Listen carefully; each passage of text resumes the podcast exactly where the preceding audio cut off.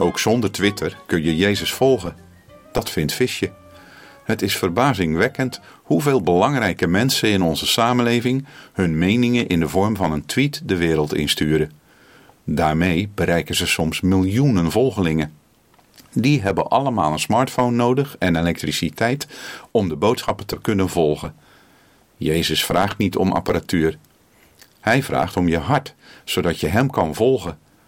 In Johannes 3, vers 17 staat daarover: God heeft zijn zoon niet naar de wereld gestuurd om een oordeel over haar te vellen, maar om de wereld door hem te redden. Jezus heeft je het gebed en zijn woord gegeven om hem te volgen.